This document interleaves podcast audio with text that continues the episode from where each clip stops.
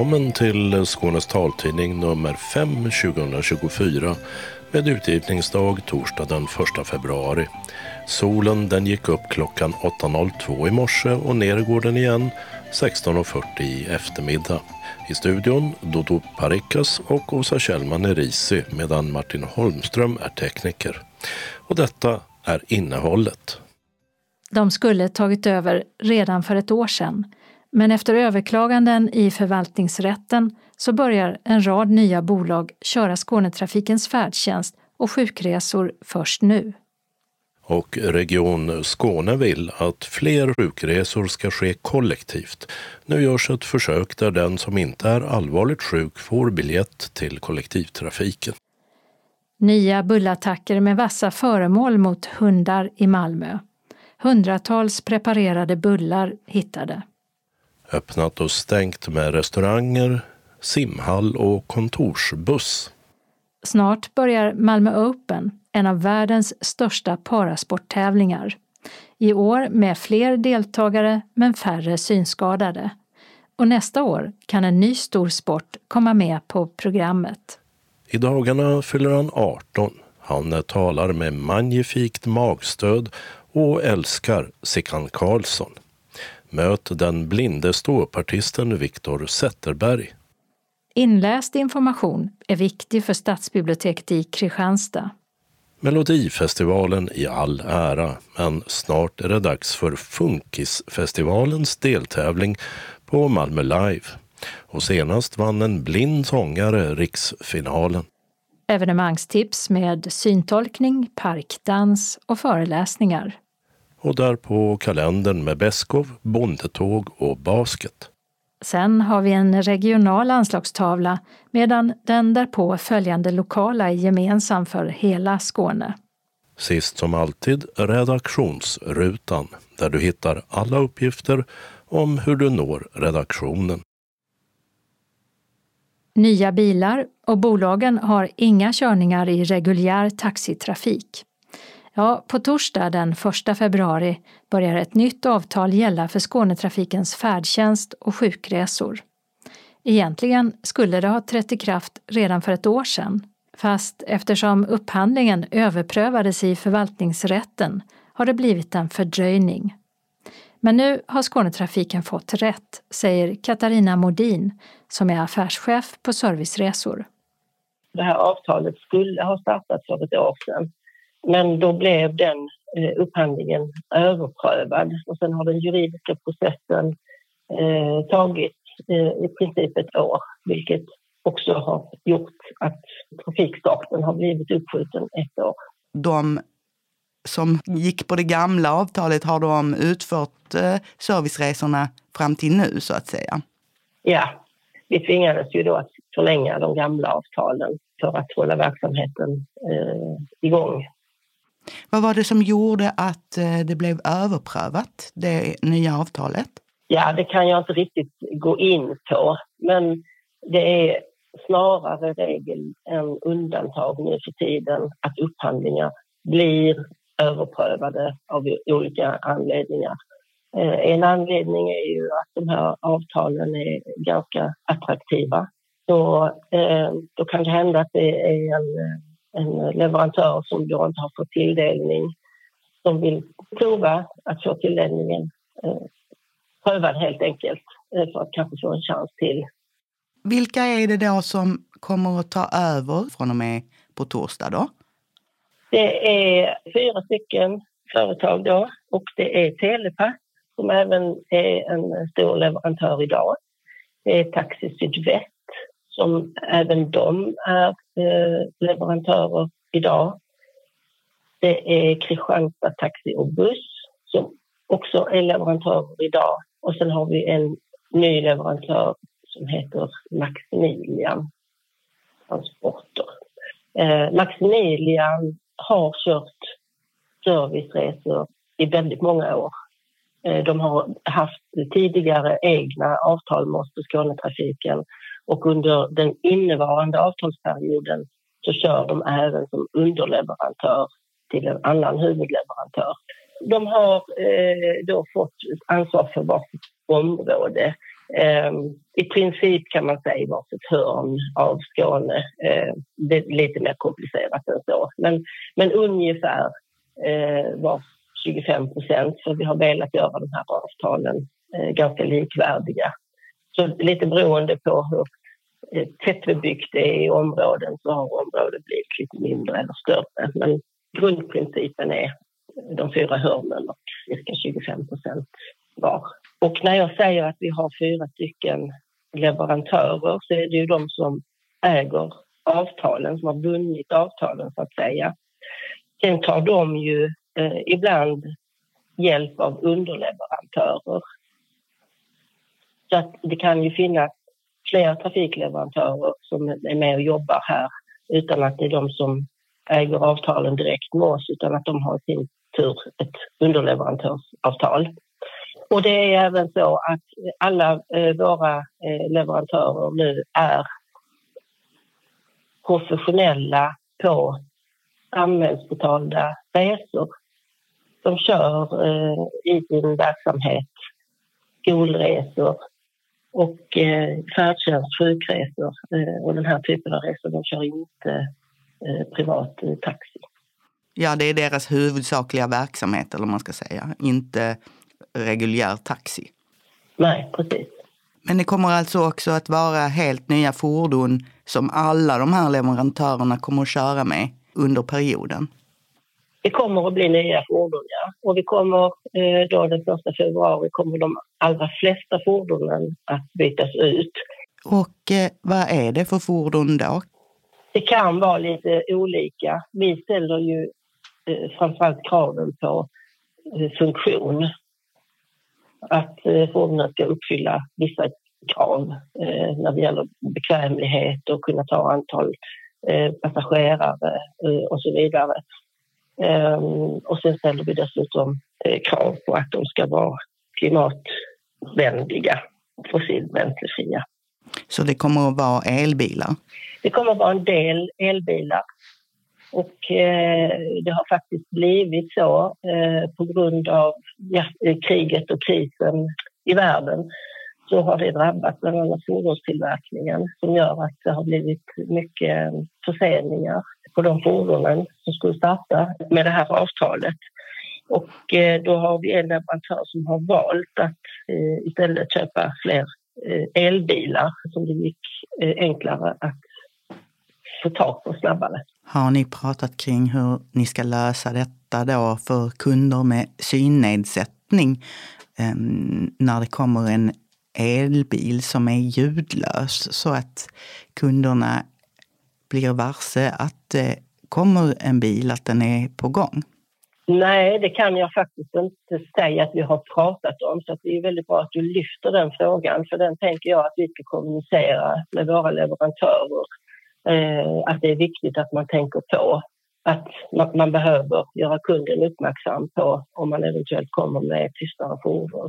Hur känner du inför det här då, att det här avtalet nu träder i kraft? Det känns jätteroligt.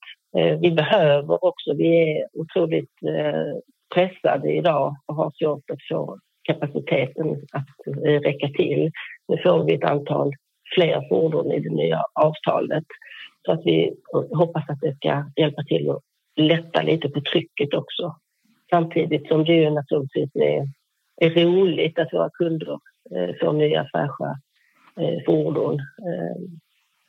Och det kommer också bli enklare och bättre både för oss och för leverantören att jobba med eh, uppföljning och förbättringsarbeten och så vidare eftersom alla avtalen ser lika ut. Det sa Katarina Modin, affärschef för serviceresor på Skånetrafiken. Skånetrafikens färdtjänst omfattar 26 av Skånes 33 kommuner, däribland Burlöv, Helsingborg, Kristianstad, Kävlinge och Simrishamn. Gunilla Kracht intervjuade. Region Skåne vill att fler sjukresor görs med kollektivtrafiken och startar ett försök där den som ska resa till ett sjukhus kan få en kollektivtrafikbiljett. Karina Sackau, Moderaterna, är ordförande för Region Skånes kollektivtrafiknämnd. Precis, har fått ett uppdrag från eh, regionfullmäktige att se över den här möjligheten och att eh, göra ett samarbete tillsammans med eh, något av sjukhusen i Skåne. Och där kommer vi att ha ett uppstartsmöte här i februari månad. Och tanken är eh, inte att de som har svåra sjukdomar, eh, allt ifrån cancer till dialys till immunbrist och vad det nu kan vara för någonting, ska ge sig ut i den allmänna kollektivtrafiken.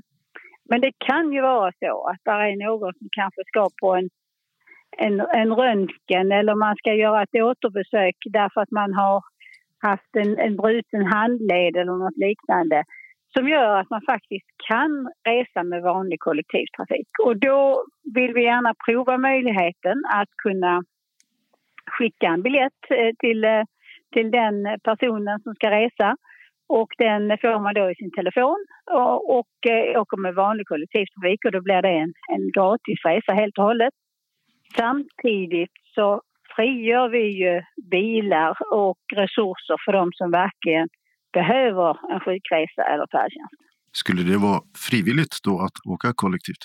Ja, det skulle det vara. Det vill säga man, man eh, i, i det här läget så, så är det då frivilligt. Det, rättare sagt, det är ju så här att de som är över 85 år, de har ju alltid rätt till sjukresa. Eh, I annat fall så är det ju så att det är en eh, sjuksköterska som ska göra bedömningen eller läkare om man behöver en sjukresa. Så att eh, Eh, I det här fallet så är det väl så att de som då gör en bedömning att det här, i det här fallet så finns det kanske ingen anledning till att ha en sjukresa men du får här en, en biljett till vanliga kollektivtrafiken istället. Um, så att uh, det, det, blir en, en bedömning utifrån uh, det som görs idag av sjuksköterskorna framför allt sa Region Skånes kollektivtrafiknämnd moderata ordförande Karina Sackau intervjuad av Mats Sundling. Efter ett långt uppehåll under stora delar av föregående år har det i Malmö åter börjat dyka upp utlagda ugnsbakade bullar som innehåller tillskurna vassa metallbitar eller andra vassa föremål och där målet även denna gång antas vara hundar. De nya fynden har gjorts bland annat kring Abbekåsgatan nära Nobeltorget, Upplandsplan, Värmlandsplan och ytterligare platser däromkring, där hundratals bullar hittats. Alltså i grova drag områden från Nobeltorget över Södervärns omgivningar och bortemot Dalaplan. Dessutom har bullar preparerade med vassa föremål hittats kring Östervärn.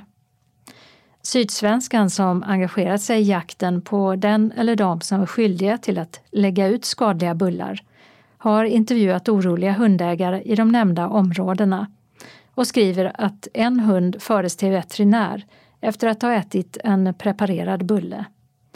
Attackerna tog sin början i slutet av 2020 och fick stor uppmärksamhet i media. Bullar preparerade med glasbitar eller vass metall har sedan av och till genom åren bland annat hittats i hundrastgårdar och mer än 160 sådana tillfällen har polisanmälts. Polisens presstalesman uppmanar alla som kan ge tips om förövaren att höra av sig. Och som vi berättat tidigare anhölls en äldre kvinna kring nyår efter att ett vittne sett henne strut misstänkta föremål i Ögårdsparken nära Jägersro. I hennes väska hittades deg och vassa glasbitar. Kvinnan släpptes senare men är fortfarande misstänkt. Och när taltidningen under de första bullattackerna intervjuade veterinären Konrad Strömbäck rådde denne att använda munkorg om hunden är benägen att äta saker den hittar ute.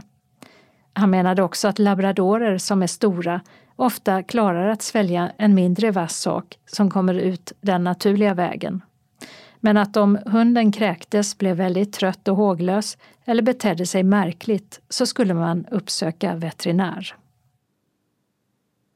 Öppnat och stängt. I Klippan är simhallen stängd på grund av ventilationsproblem. Om reparationsarbetena håller tidtabellen öppnar simhallen igen sista veckan i februari.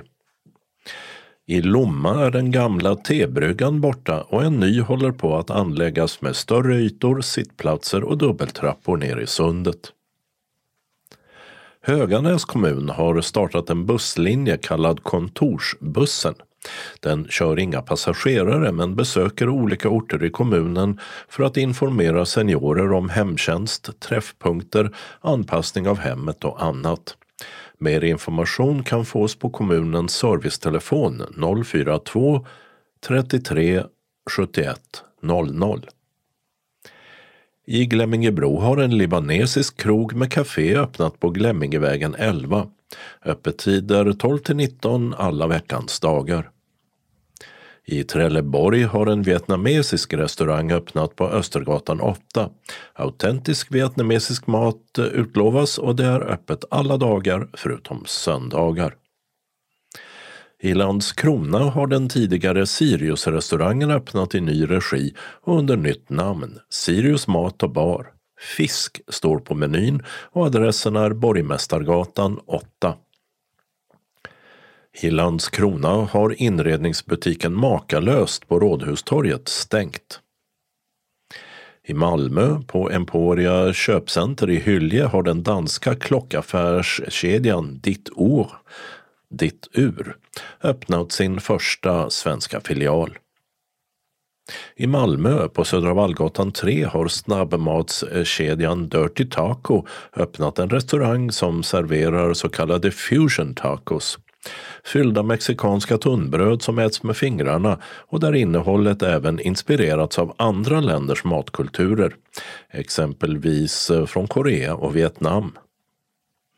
I Malmö har restaurang Plockepinn på Skomakaregatan stängt för gott. Lokalen har tagits över av ägarna till bland annat Osteria di La på Davidshallstorg. Datum för öppnandet är inte bestämt. I Sjöbo har Jysk flyttat från Planeringsgatan 50 och öppnat ny butik på Såggatan 10 bakom Coop på Sjöbo väst. I Osby har den italienska delikatessbutiken och affären Pecorino stängt. I Helsingborg har tapasbaren Bibliotek som serverar spanska smårätter stängt restaurangen på Mäster Palms plats efter konkurs. Bibliotek på Södra Vallgatan i Malmö vid Södertull berörs inte.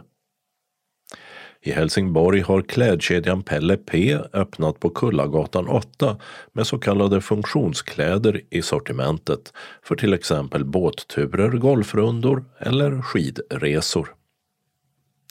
I Helsingborg har Sjögrens Tobak på Kullagatan 28 stängt. Nya ägare har tagit över och håller på att renovera för att öppna en direktenbutik i lokalerna. Beräknad öppning 1 mars. I Helsingborg har pizzeria Sorella, som betyder syster, öppnat på Drottninggatan 88. Och i Helsingborg har lakritsbutiken slagit igen butiken på Väla köpcenter. Nästa vecka börjar Malmö Open, en av världens största tävlingar i parasport. 48 upplagan om man räknar med de digitala under pandemin. 8 till 11 februari kommer 1100 deltagare från 16 länder att tävla i 13 sporter. Alltifrån bordtennis till rullstolsbasket. I år är goalballen den enda sporten för synskadade men nästa år hoppas man på en stor nyhet. Hos FIF, Föreningen Idrott för handikappade i Malmö, var förberedelserna i full gång. David Fogelström är koordinator för Malmö Open. Vi har flera gamla godingar som eh, rullstolsbasketen och vi har goalbollen, bordtennis och boccia, men även två nyheter. Parabänkpressen, alltså för personer med eh, rörelsenedsättning i benen och sen har vi även indoor golf.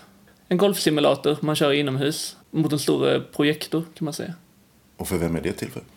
Det är eh, två klasser där. Så då har man dels rörelsenedsättningsklassen och sen har man en klass för intellektuell funktionsnedsättning. Mm. Bänkpress kanske inte är någon jättelik publiksport, men den är nya. Ja, precis. Det är bara sex deltagare, men om man tittar liksom på tidigare tävlingar i Sverige så är det den största tävlingen i Sverige någonsin, vilket är väldigt kul. Eh, goalball nämnde du. Det är ju den stora sporten för deltagare som inte ser såklart i FIF-hallen. Bara en breddklass i år igen. Är det inte lockande att starta en elitklass och få med de bästa spelarna igen? Uh, jag, jag ser lite tudelat på det där. Dels är det ju att det alltid brister på hallar. Vi har många aktiviteter samtidigt. Och för att köra både en breddtävling och en elittävling så krävs det större hallar och fler hallar. Och även en betydligt större organisation. Och då tycker jag det är i så fall är kul att man satsar på just bredden som kanske inte oftast får tävla. För många av de här deltagarna kanske det är liksom deras första internationella tävling de gör. Och att kunna bjuda in dem till Malmö på det sättet, det tycker jag är väldigt roligt. Mm. Tio lag, fler står på kö, berättade du innan. Ja, eh, vi brukar alltid få 13-14 lag anmälda. Men 10 är maxgränsen får vi klara av. Så det mm, flera lag från Storbritannien. Sen har vi såklart FIF Malmö, det enda svenska laget tror jag. Men vi har även danskarna, Finland, Tyskland, Grekland på plats. Mm. Och breddklass, eh, ja det kan ju du få förklara för den som inte är insatt. Det betyder inga herr elitspelare och mixade lag. Mixade lag är inga herrspelare på högre nivå. Eh, jag tror man brukar räkna från eh, om man har deltagit på en segeltävling, alltså en större internationell tävling på klubbnivå. Om man har deltagit i en sån tävling så kanske man är på lite för hög nivå för Malmö Open. Men damelitspelare är ju med och en hel del av dem spelar just FIF. Danska sådana till exempel. Synskadesporter i övrigt, det har försvunnit några och några stora deltagarsporter också. Det är ingen simning i år heller. Hur kommer det sig? Uh, simning har vi tyvärr tappat. Det har tidigare varit flera hundra deltagare, vilket är väldigt tråkigt att vi inte har det på programmet längre. Uh, där är ju problemet att det saknas dels en drivande klubb i Malmö, men även kanske avsaknad av eh, engagemang från högerort, från förbundet. Simförbundet då? Ja, precis. Att det är lite för stort för att driva med ideella krafter då kanske? Precis, det behövs lite krafter och engagemang eh, uppifrån också för att en Malmöklubb skulle vilja ta på sig det arbetet. En något mindre sport är skyttet, elektronskytte. Sysslar en del som inte ser med. Det finns inte med i år heller. Nej, det stämmer. Eh, bowling finns med på programmet. Är det några synskadade deltagare där? Nej, det är det tyvärr inte.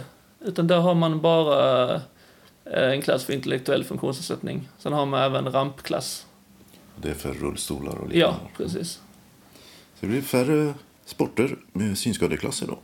Mm. Än tidigare? Så är det. Sen hoppas vi att vi kanske har en eh, till idrott längre fram, kanske 2025 då. Och då är det five-a-siden vi tittar på möjligheterna mm. att kunna bjuda in.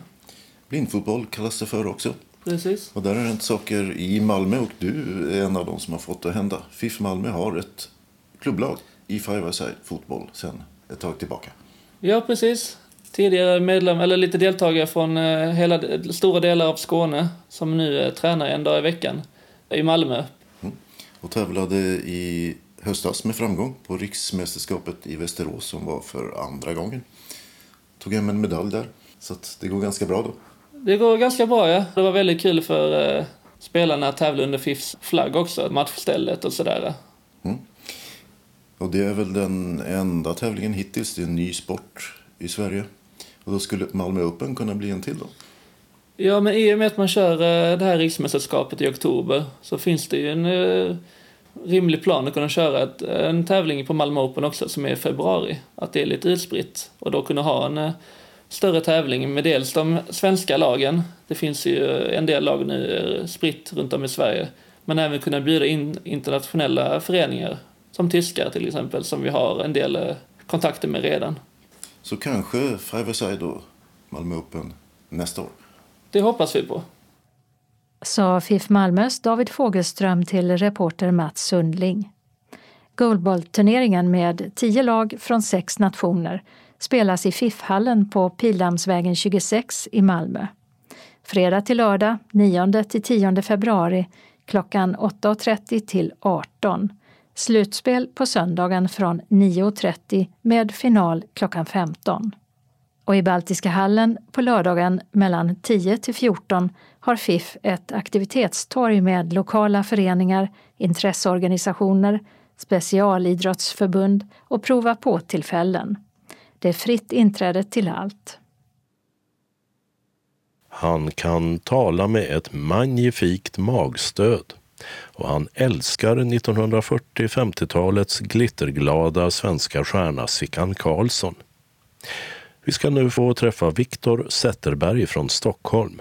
En blind ståuppartist och kanske mycket mer än så i början av sin karriär. Han intervjuas av Anna Bergholtz. Ja, jag kan ju inte se er för jag är ju synskadad som ni förstår. Och det är precis lika underbart som det låter. Ja, men, men, men, jag, men jag är inte bara synskadad. Jag är också väldigt, väldigt ung. Jag är bara 17 år.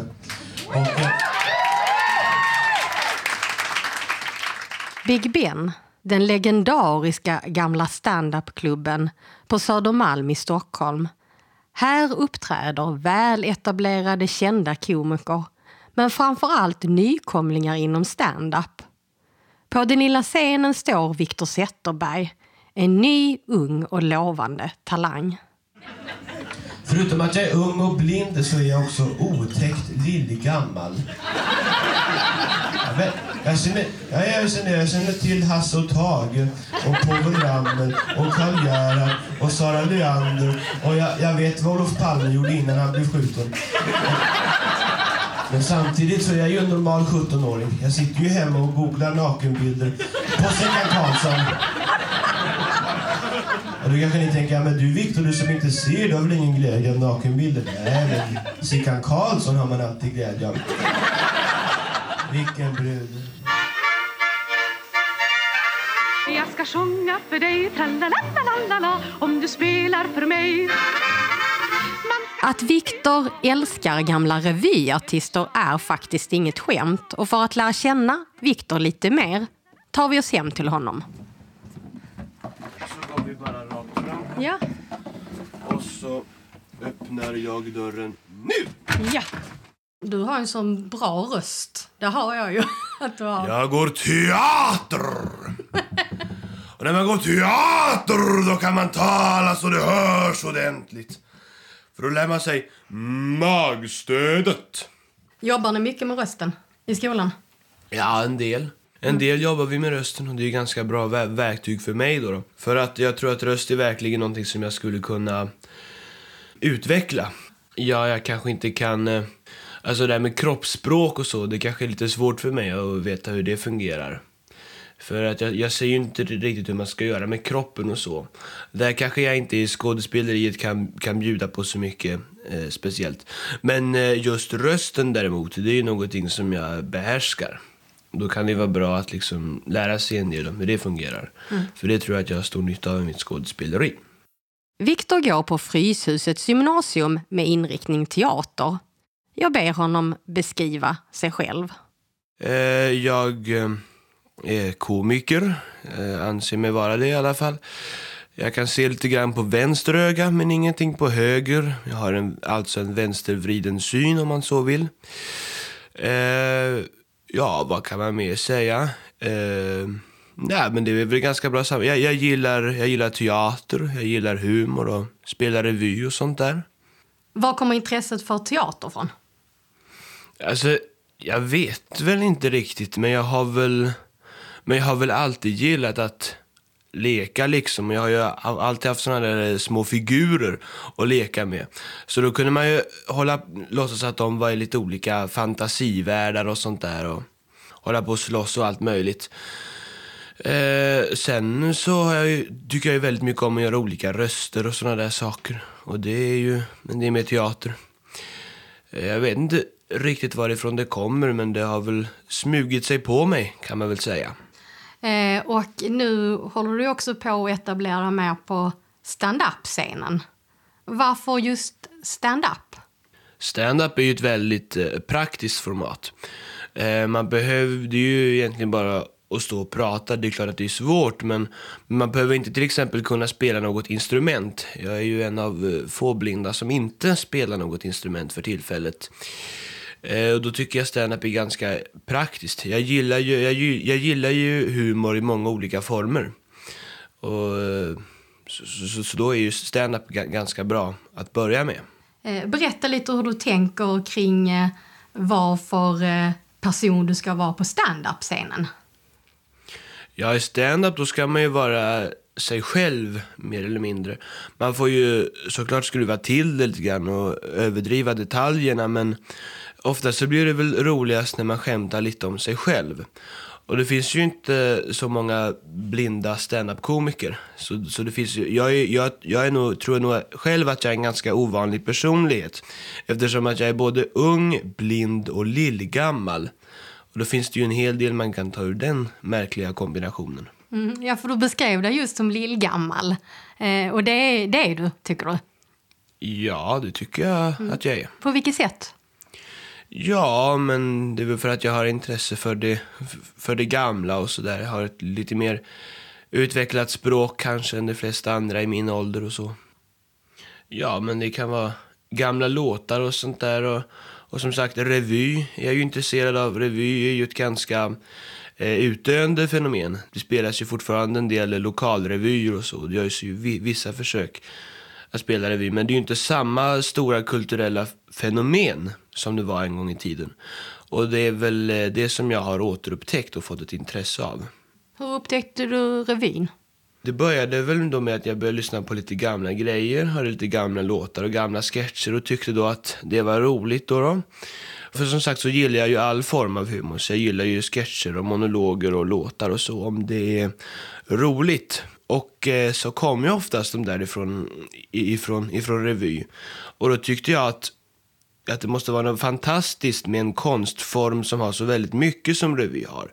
För det har ju både sång och musik och dans och sketcher och monologer. Så det finns verkligen någonting för alla att hämta. Du sa ju att eh, du är ju ganska unik då på stand-up-scenen. Som ung Eh, och att vara lillgammal och med din synnedsättning.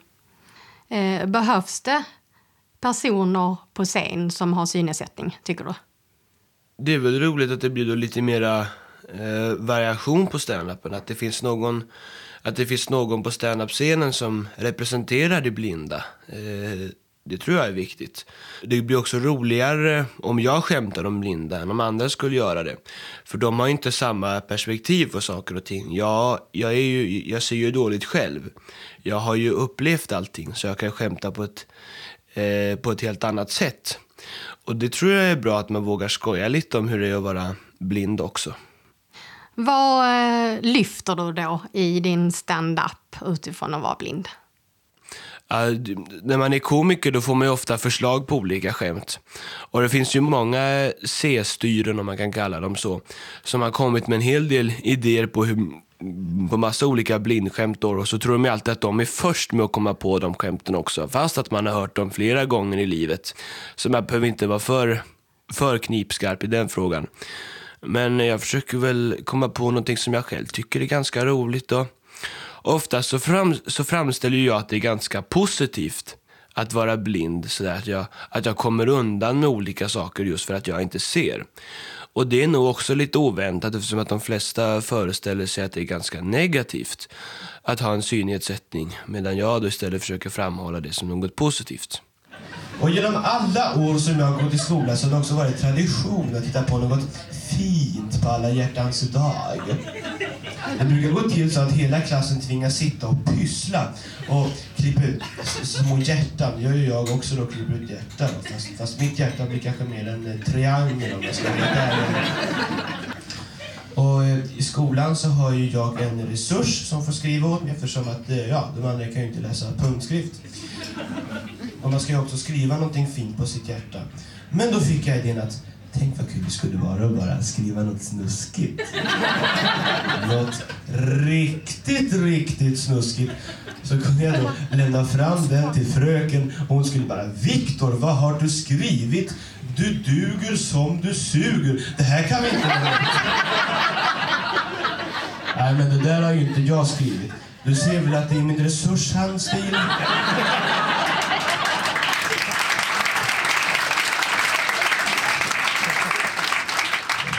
Det var på ett sommarläger för ungdomar med synnedsättning som Viktor körde stand-up för första gången. Då endast 15 år gammal.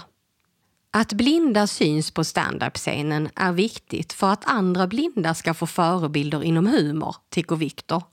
Men också för att seende ska förstå att blinda också är en del av kultur och underhållningsbranschen. Att välja teaterinriktning på gymnasiet var en självklarhet för Viktor och nu är han inne på sitt andra år och stortrivs.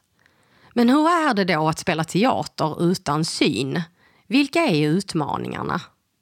Ja, men det är väl just det att navigera sig på scenen. Det är ju krångligt och det kan ta tid att lära sig. Och jag är inte så himla bekväm egentligen med kroppen. För jag vet liksom, när jag spelar en karaktär, då, vet, då är det svårt att veta ja, men hur ska den röra sig, hur ska den gå och sånt där. Jag vet inte hur folk som är sådär brukar röra sig. Och då kan det ju vara lite svårt för man får liksom ingen inspiration då, då att röra sig fysiskt. Eh, det är väl den största utmaningen. Ibland om det är en viss koreografi man ska öva på kanske man behöver extra tid med att lära sig, lära sig just den. Jag kommer ihåg eh, när vi spelade en föreställning förra året. Då skulle jag föreställa en politiker som kom in och höll några, några monologer på, på lite olika ställen i föreställningen. Eh, då gjorde vi så att då var det två av mina klasskamrater som gick med mig in på scen och föreställde då livvakter. Så att det, det fungerade på så sätt så jag visste var jag skulle stå och var mikrofonen fanns och så. Som lite ledsagare då på vägen? Ja, kan man säga. Ja. Visa ungefär vart det skulle vara så, så mm. löste vi det problemet. Eh, finns det några fördelar då med att eh, inte se och stå på scen? Ja, som sagt, när man gör stand-up så är det ju en oerhörd eh, tillgång. Att, eh, för det finns så många skämt man kan göra då, om, att man är blind och som det är så många andra som inte kan, som inte kan göra. Alltså är man en seende komiker, är man en, är man en vanlig eh, vit medelklass seende komiker, då kan jag nog tänka mig att det kan vara ganska svårt att hitta på skämt. För man har liksom inte, det finns inte så mycket direkt ovanligt över den.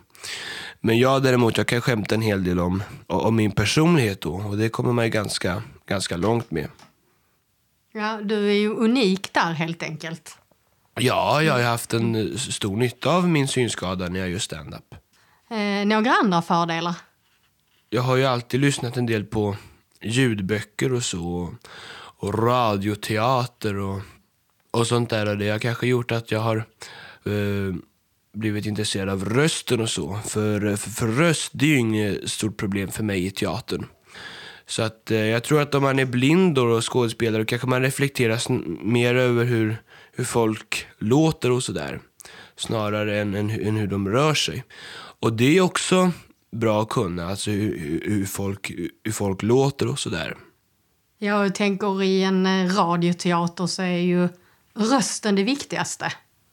Ja, rösten är det viktigaste. Jag spelar... Jag, jag, skulle gärna tänka mig att spela radioteater. Då behöver man inte tänka på kroppen och fysiken och allt sånt där. Nej, men, men det finns väl vissa tillfällen då det kan vara lite besvärligt att vara lite besvärligt att vara blind också. Eh, det händer ju ibland när jag, när jag är ute och går till exempel. Jag vet precis var jag, var jag ska ta vägen. Jag, jag har gått den där sträckan förr. Då, då händer det ändå att det kommer fram sådana här C-styren och tror att de måste hjälpa till.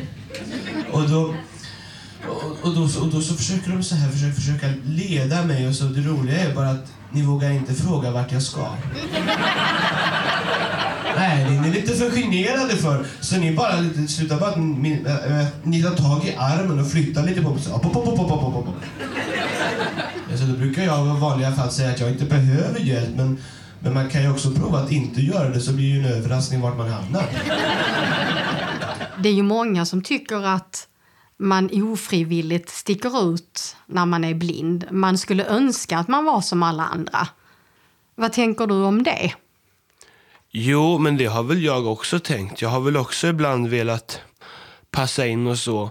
Men det blir bara, men det blir bara besvärligt att försöka med det. För att, att, att ha en synnedsättning det är ju någonting som man aldrig kan bli av med.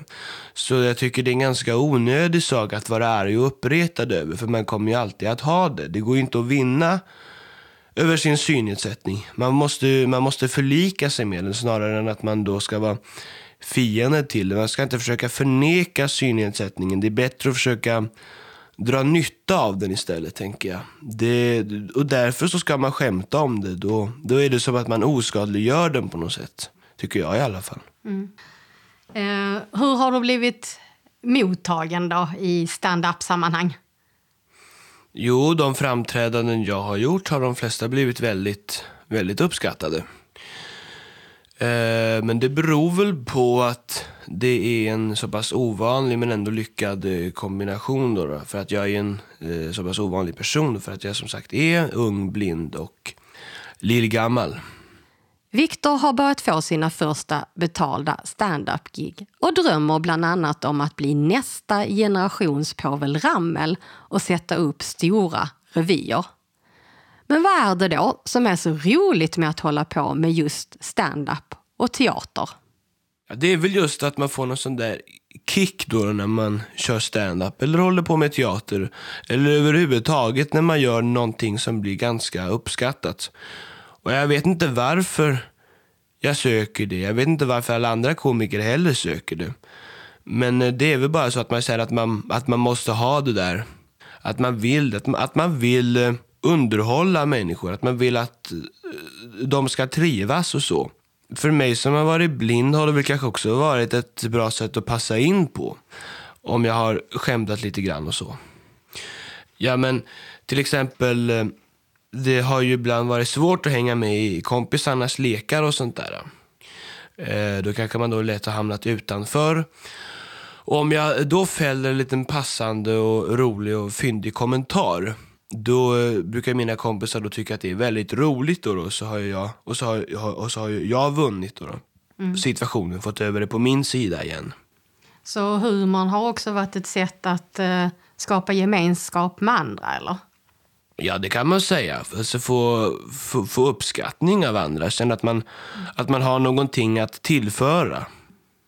Och, och kanske då också när man känner att man har svårt att, att vara med som alla andra, eller? Ja, precis. Och det är väl så med stand-up att eftersom att jag är en av få blinda stand-up-komiker så känner jag att jag har ju någonting att tillföra till stand-upen. Mm. Och då känns det som att ja, men då är det ju ändå viktigt det jag gör. För det betyder ju som sagt en del för mig själv. Och när jag har uppträtt med humor så har jag också märkt att det betyder mycket för andra. Jag tycker inte om er heller i publiken. Nej, det gör. Ja, nu blev ni lite provocerade, men vad ska ni göra? Visa långfingret? Nej, men jag var inte fantastisk publik. Det var alltså mig.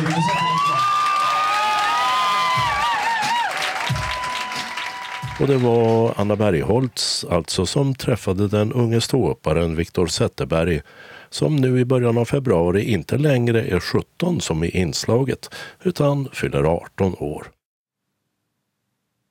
Inlästa mänskliga röster har ökat tillgängligheten för de biblioteksbesökare i Kristianstad kommun som behöver inläst biblioteksinformation.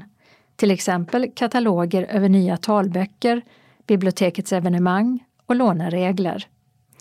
De som står bakom urval och inläsning är bibliotekarierna Jessica Sten och Stefan Sjölund, välkända som talbokstipsare här i taltidningen.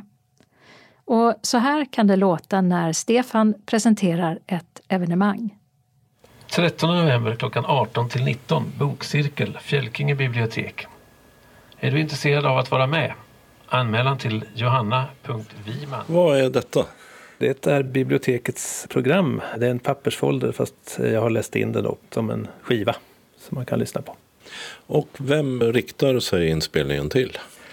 Till den som kanske har svårt att ta del av det tryckta programmet. Så kan man lyssna på den här ljudfilen som är ungefär 5-6 minuter lång. Och hur många är det som prenumererar på den? Hur många är det som får den? Ja, det är väl en 30-40 exemplar jag har ute i rörelse. Och är alla synskadade? Det vågar jag inte uttala mig om, men jag skulle tro att många är nog synskadade, ja. Har ni fått eh, någon respons på hur eh, den blir mottagen? Vi har fått väldigt positiv respons från talbokscirkeln. Ja, det är de vi träffar regelbundet så att säga. Sen. Och även styrelsen i Synskadades riksförbund har varit positiva. Vem kläckte idén? Ni själva eller talboksläsarna? Det var nog jag. Har du märkt av att det har funnits ett intresse, att ni har fått frågor eller var det för att ni håller på med talböcker? Det är för att vi håller på med talböcker och sen har vi även börjat och eh, se över lite grann på bibliotekets tillgänglighet. rent generellt. Och då var det en sån här grej som kom upp. Att det här är någonting enkelt för oss att kunna göra nu med en gång. Och är det någonting mer på väg som kan underlätta för synskadade som ni funderar över att göra? Vi har också läst in eh, bibliotekens information om när du skaffar ett lånekort. Den informationen som står på ett låntagaravtal har vi, är, finns inläst och även från en broschyr kring bibliotekets olika tjänster och hur det fungerar. Och dessutom producerar Kristianstads bibliotek en inläst katalog över talböcker som de valt ut och som redan finns färdiga på biblioteket på CD.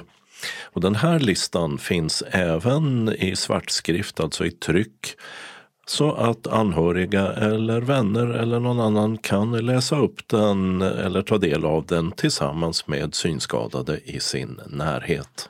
En analog service i en digital värld. Lena Andersson, Koryféerna. Fem timmar och 53 minuter inläsare Ove Ström. En februarikväll skjuts landets första minister till döds på öppen gata.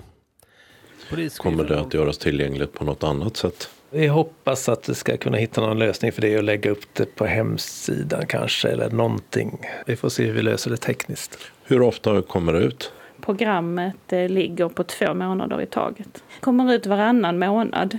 Hur, hur får man den? Den kan man eh, få om man eh, kontaktar oss.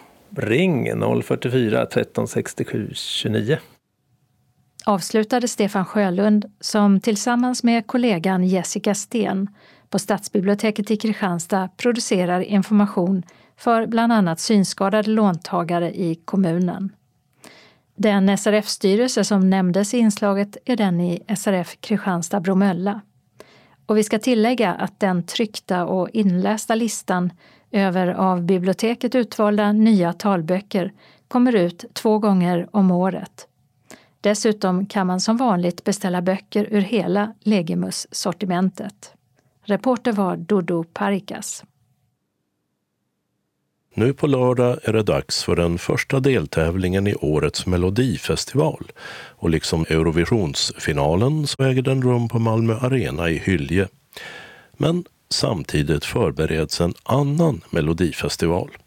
Det handlar om Funkisfestivalen där de tävlande deltagarna har kognitiv eller neuropsykiatrisk funktionsnedsättning inom LSS och har fyllt 15 år. Det sker hela 25 deltävlingar över hela landet under våren och i Malmö äger uttagningen rum 10 mars på Malmö Live dit alla biljetter är slutsålda. På en annan av deltävlingarna, den i Sigtuna norr om Stockholm, är det den blinda journalisten med mera Anna Bergholtz som är konferencier. Semifinaler blir det sedan i Stockholm i april och stor final 15 juni på Stockholm Waterfront. Förra årets Funkisfestivalvinnare är blind. Viktor Johansson heter han och är från Uppsala och han framförde låten Släpp hästarna fria och förutom att sjunga spelade Viktor också trummor.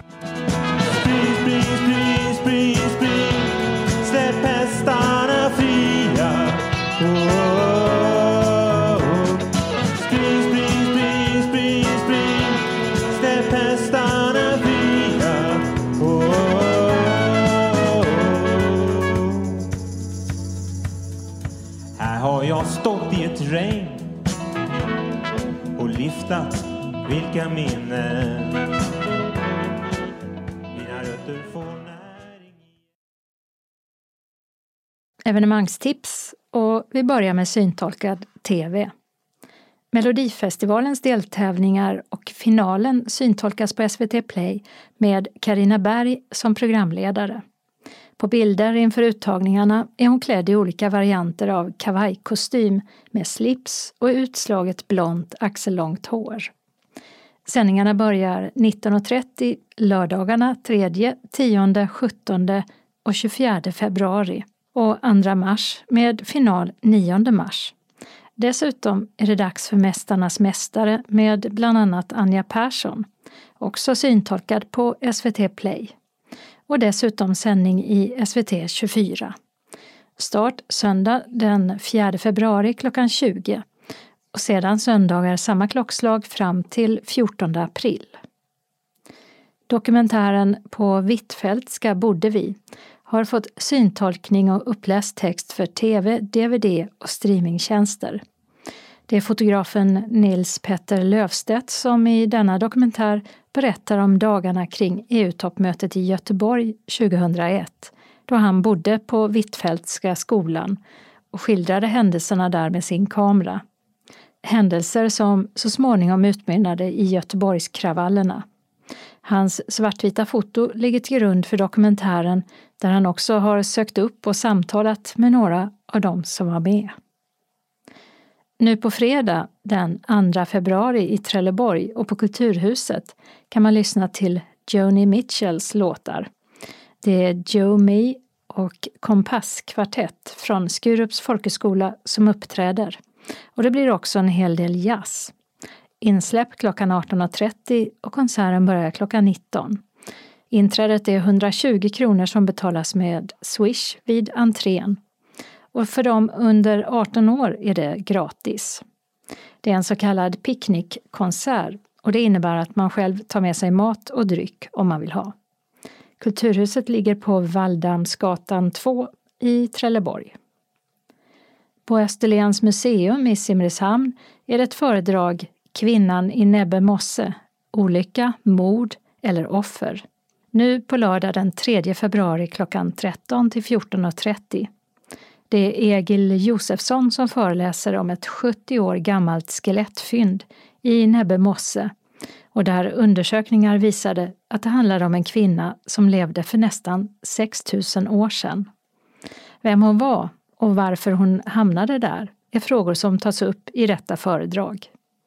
Biletto säljer biljetter som kostar 150 kronor och efteråt bjuds det på kaffe.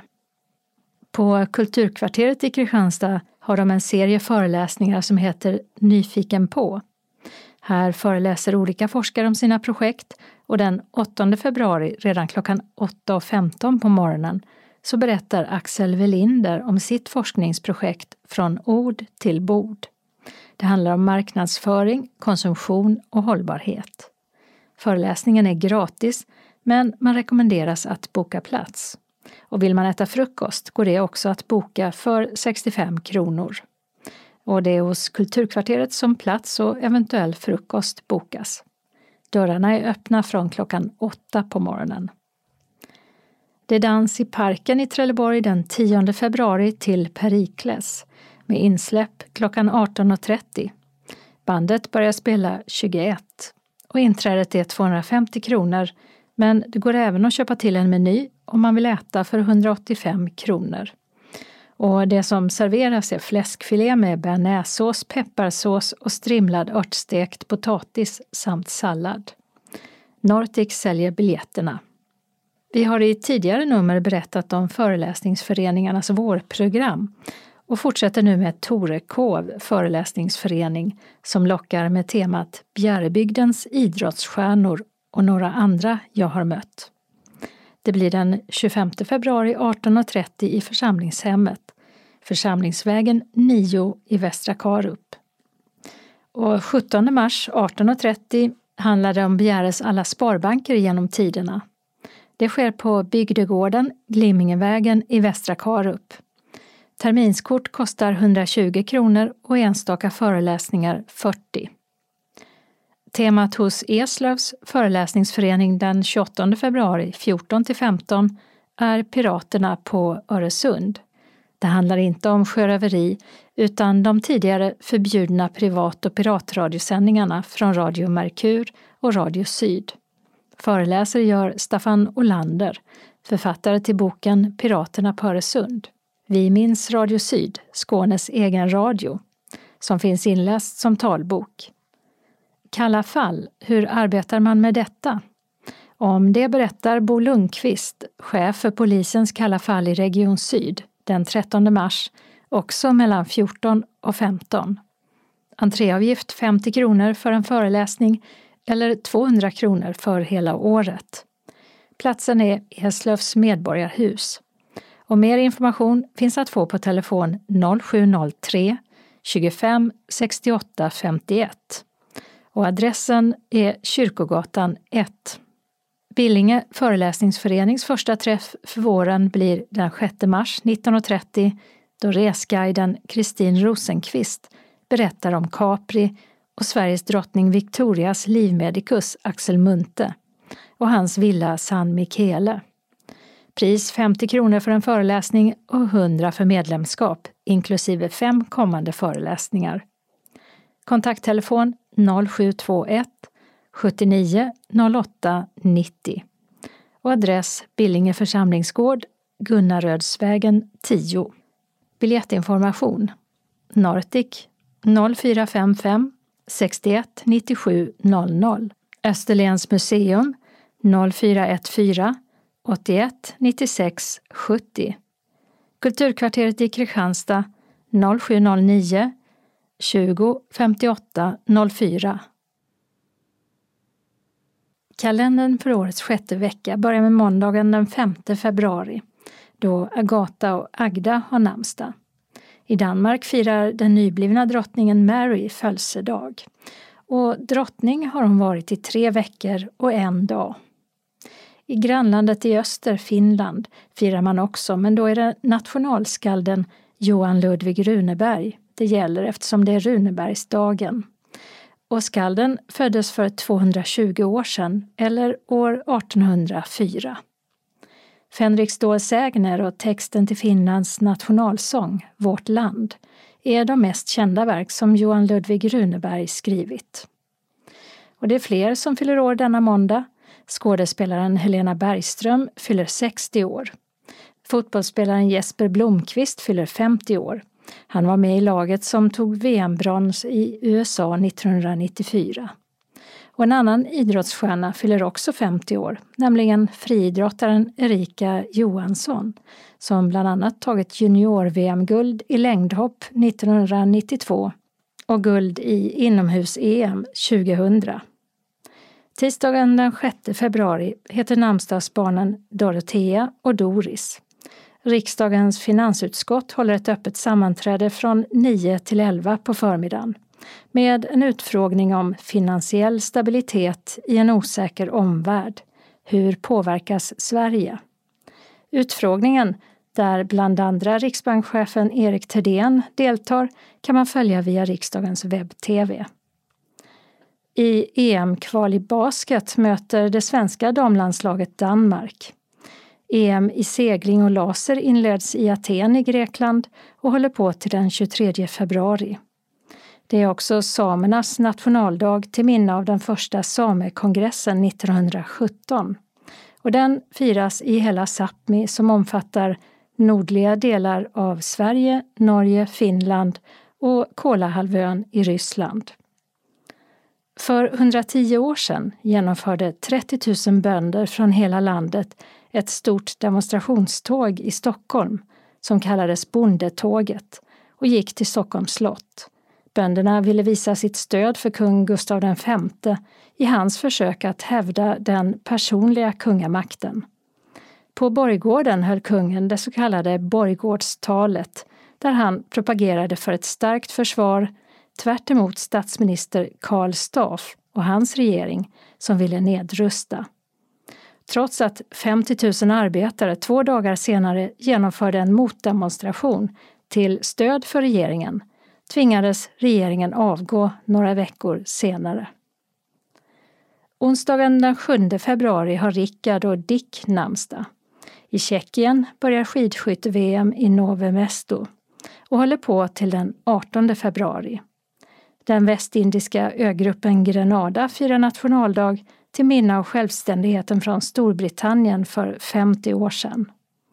Och för 10 år sedan såg världen annorlunda ut och Rysslands president Vladimir Putin invigde olympiska vinterspelen i Sochi. Torsdagen den 8 februari är dagens namn Berta och Bert. I Pakistan hålls det val till parlamentet. Fredagen den 9 februari ska alla Fanny och Francisca gratuleras på namnsdagen. Och i basketkvalet till EM nästa år för damer spelas den sista kvalmatchen mot Estland. Och efter två spelade kvalmatcher i grupp D, som Sverige tillhör, leder Sverige medan Estland ligger sist i gruppen. Lördagen den 10 februari har Iris namnsdag. I Kina och en del andra länder firas det nyår och kaninens år 2023 blir avlöst av drakens år. Och eftersom draken är en symbol för fruktbarhet och livskraft så väntas året bli storslaget och gynna kulturlivet. Söndagen den 11 februari hålls den andra och avgörande omgången i det finska presidentvalet. De två kandidater som är kvar efter första valomgången är Alexander Stubb från Moderata samlingspartiet och Pekka Haavisto, formellt obunden men med stöd av de gröna. Det var nästan 50 procent som i förra valomgången röstade på andra kandidater än dessa två. Så nu gäller det att locka dessa röster för att bli den som tar över efter den nuvarande presidenten Sauli Niinistö. Denna söndag är det också fastlagssöndag och då ska man enligt gammal tradition äta rikligt och inte fettsnålt inför den stundande 40 dagar långa fastan. Därav också kommande fettisdagen då det är fastlagsbullen eller semlan med mycket grädde som ska inmundigas.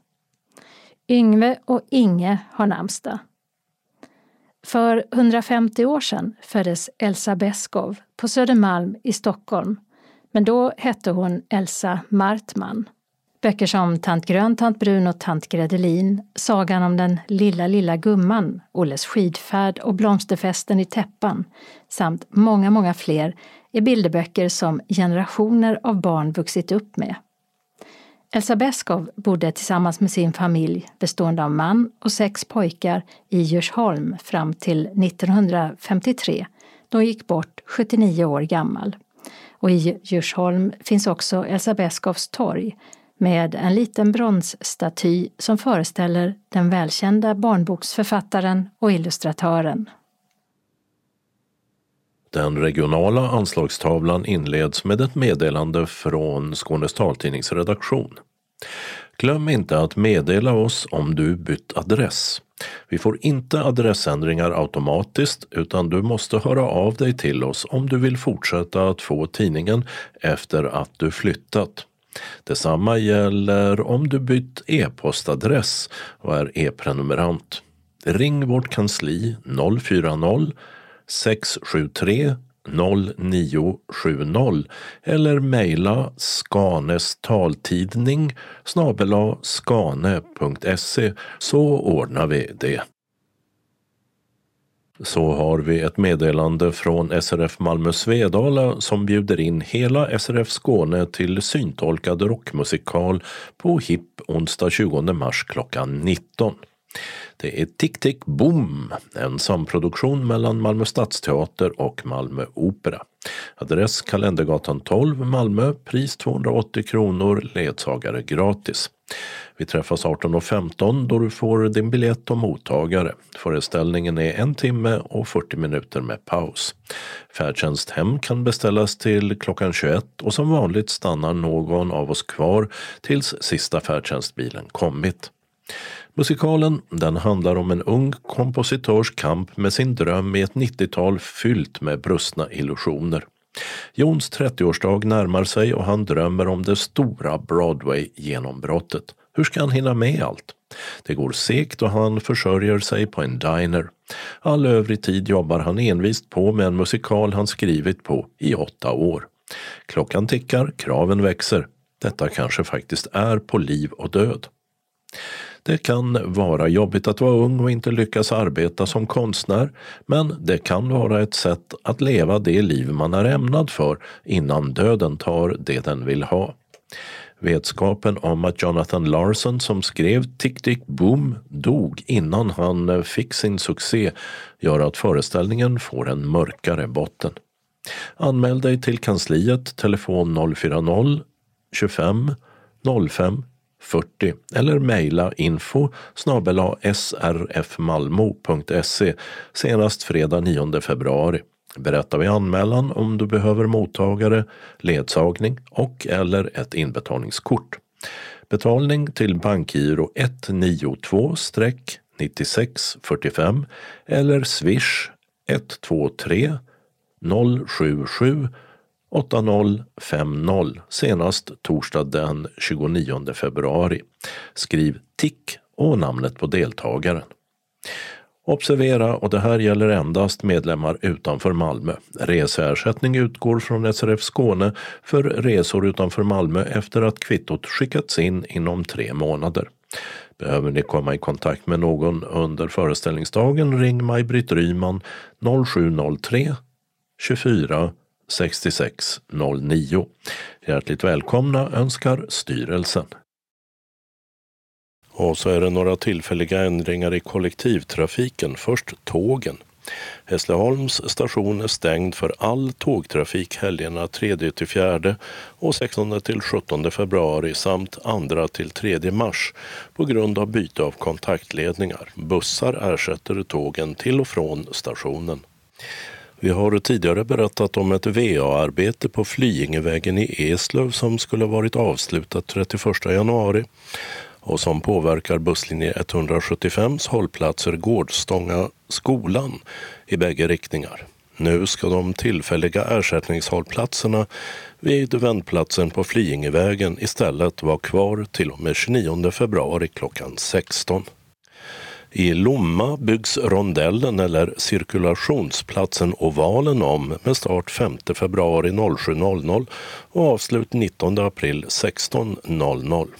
För busslinje 139 betyder det att hållplats Lomma station är stängd i bägge riktningar med hänvisning till tillfälliga hållplatser på Strandvägen, det vill säga några hundra meter in mot Lomma och därefter till höger. För Poppelgatan hänvisas till tillfälliga hållplatser på Industrigatan nära korsningen Kastanjevägen och Industrigatan. Och I Lomma påverkas även buss 132 av detta arbete och ett fjärrvärmearbete längs Hamnallén mellan 5 februari 07.00 och 31 maj 16.00.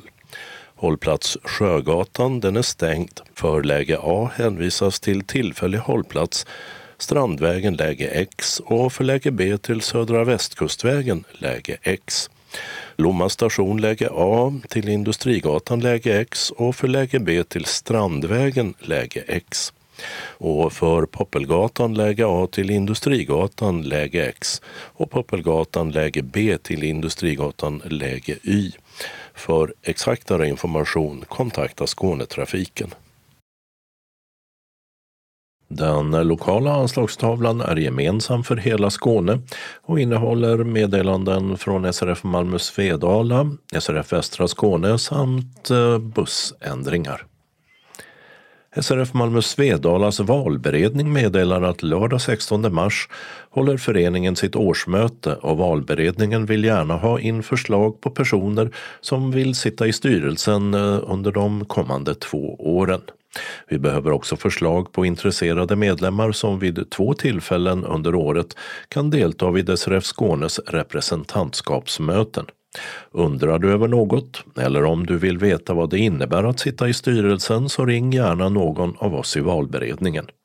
Välkommen med förslag eller frågor allra senast 15 februari till Kerstin Ekström 072 200 88 50 Lars-Erik Karlsson 070 315 8662 Ulla-Britt Rönnhage 070 230 0484 SRF Malmö Svedala fortsätter med bastubad. Välkomna till Öresunds Funkis torsdag 1 februari 18 till 21.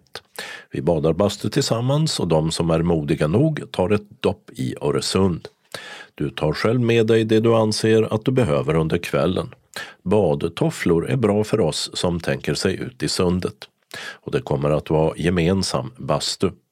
Anmäl dig till kansliet 040 25 05 40 eller mejla info snabela srfmalmo.se senast samma dag innan 12.00. Om du får förhinder eller har frågor ring Maj-Britt Ryman 0703 24 66 09 eller Mikael Werngren 076 191 04 66. SRF Malmö Svedala inbjuder till aktiviteter under vecka 6, dagverksamhet. Vi serverar kaffe och smörgås eller kaka för 10 kronor. Man anmäler sig till kansliet om man tänker komma på någon av dagaktiviteterna senast klockan 10 samma dag som aktiviteten. Måndag 5 februari 13 15 är det tidningsläsning och frågesport och tisdag 6 februari 13 till 15.15 15 blir det bingo och fika. SRF Malmö Svedala välkomnar också till hobbyträff onsdag 7 februari klockan 13 på Wendels Fridsgatan 13. Man tar med sig sin hobbyverksamhet eller så kommer man för att umgås över en macka eller kaka och en kopp kaffe till självkostnadspriset 10 kronor. Färdtjänsthem kan beställas till klockan 15.15. 15. Vill du vara med? Anmäl dig till kansliet senast dagen innan. Varmt välkomna! SRF Malmö Svedala hälsar välkommen till Matkaravan i Saluhallen onsdag 21 februari 14.00 till 15.45, samling 13.45. Adress Huvudentrén, Malmö saluhall, Gibraltargatan 6. Pris 250 kronor för medlemmar, övriga 485 kronor. Anmälan senast onsdag 14 februari till kansliet.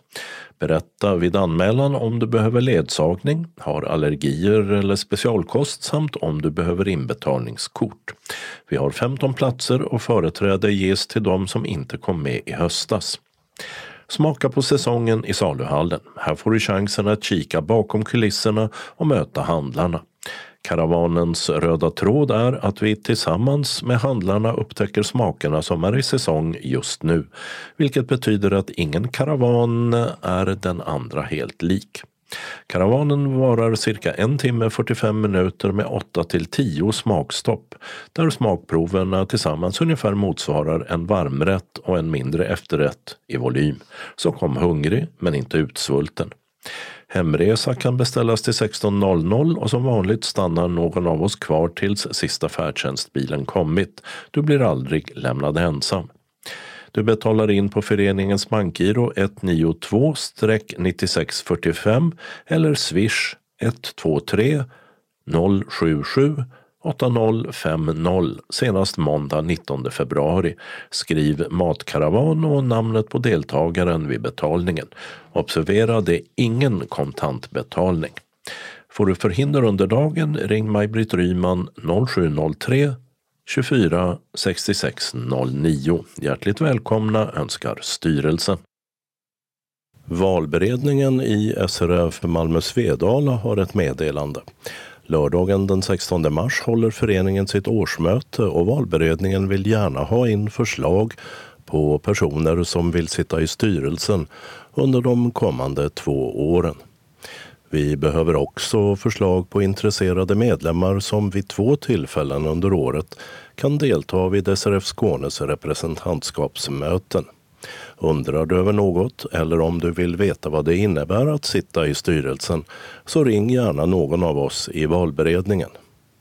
Välkommen med dina förslag eller frågor allra senast 15 februari till Kerstin Ekström 072 200 88 50 Lars-Erik Karlsson 070 315 86 62 eller Ulla-Britt Rönnhage 0702 30 04 84. SRF Västra Skåne inbjuder till onsdagsträff 7 februari 13.00 till 15.30 i SRFs lokal Vaktgatan 3, Helsingborg. Bingobrickorna kostar 10 kronor stycket och fikaavgiften är 30 kronor. Idag spelar vi bingo. Anmäl dig senast tisdag 6 februari klockan 12 till kansliet, telefon 042 15 83 93 eller e-post srfvastraskane snabel srf.nu. Står du på den fasta listan behöver du bara meddela om du inte kan komma. Välkommen! SRF Västra Skåne inbjuder också till månadsmöte tisdag 13 februari 14 till 16.15 i SRFs lokal i Helsingborg. Fikaavgift 30 kronor. Det blir sedvanliga mötesförhandlingar med nominering av kandidater till styrelsen och till SRF Skånes representantskap. Till fikat serveras semla, fastlagsbulle alltså. Om du vill komma måste du anmäla dig senast fredag 9 februari klockan 12 till kansliet. Står du på fasta listan behöver du bara meddela om du inte kan komma eller inte vill ha semla. Och SRF Västra Skåne inbjuder även till lättgympa måndag 5 februari mellan 14 och 15 i SRFs lokal. Kursavgiften är 375 kronor för 15 gånger. Då var det dags för lite gymnastik under ledning av Mikael Grönhed. Tillsammans gör vi gamla och nya rörelser till lite musik. Anmälan görs till kansliet. Meddela vid anmälan om du önskar betala för 10 eller 15 gånger så får du en inbetalningsavi på rätt belopp. Välkomna! Och så några tillfälliga ändringar i busstrafiken. Vi börjar med Lund där det är vägarbete på en del av Norra Gränsvägen och hållplats Gilleskroken för stadsbuss 4 är stängd till och med 6 februari 16.00. För buss 4 mot Gunnesbo hänvisas resande till beslutsgränd läge A, cirka 220 meter framåt i bussens färdriktning på Norra Gränsgatan eller Sakföraregatan läge A, cirka 290 meter bakåt motsatt färdriktningen. För läge B mot Norra Fäladen till Sakföraregatan läge B eller beslutsgränd läge B också på Gränsgatan. Och på grund av fjärrvärmearbete på Strandgatan i Trelleborg så är en del av Hansagatan stängd för genomfart vilket berör länsbuss 145 och 146 mellan Svedala och Trelleborg till och med 8 mars 16.00. För Ärnbursgatan läge B hänvisas till Badhuset läge A, cirka 600 meter österut på Östra Vallgatan. För Gasverksgatan läge A hänvisas till tillfällig hållplats Lasarettet läge B, cirka 450 meter i nordöstlig riktning på Hedvägen. För Gasverksgatan läge B hänvisas till ordinarie hållplats Lasarettet läge D, cirka 450 meter norrut på Hedvägen och för lasarettet läge C till ett tillfälligt stopp vid lasarettet läge B, cirka 120 meter österut. Och det var allt eh, från Skånes taltidning för den här gången. Nästa nummer är ute den 8 februari. Skånes taltidning ges ut av Region Skånes psykiatri och habiliteringsförvaltning. Ansvarig utgivare är Martin Holmström. Postadress Jörgen Ankersgatan 12, 211 45 Malmö. Telefon 040-673 09 70. E-post Skanes taltidning snabela skane.se och hemsida skanestaltidning.se. Observera att CD-skivorna inte ska skickas tillbaka till oss. Såväl skivor som kuvert kan läggas i brännbara sopor när ni inte längre vill ha dem. Vi hörs igen. Hej då!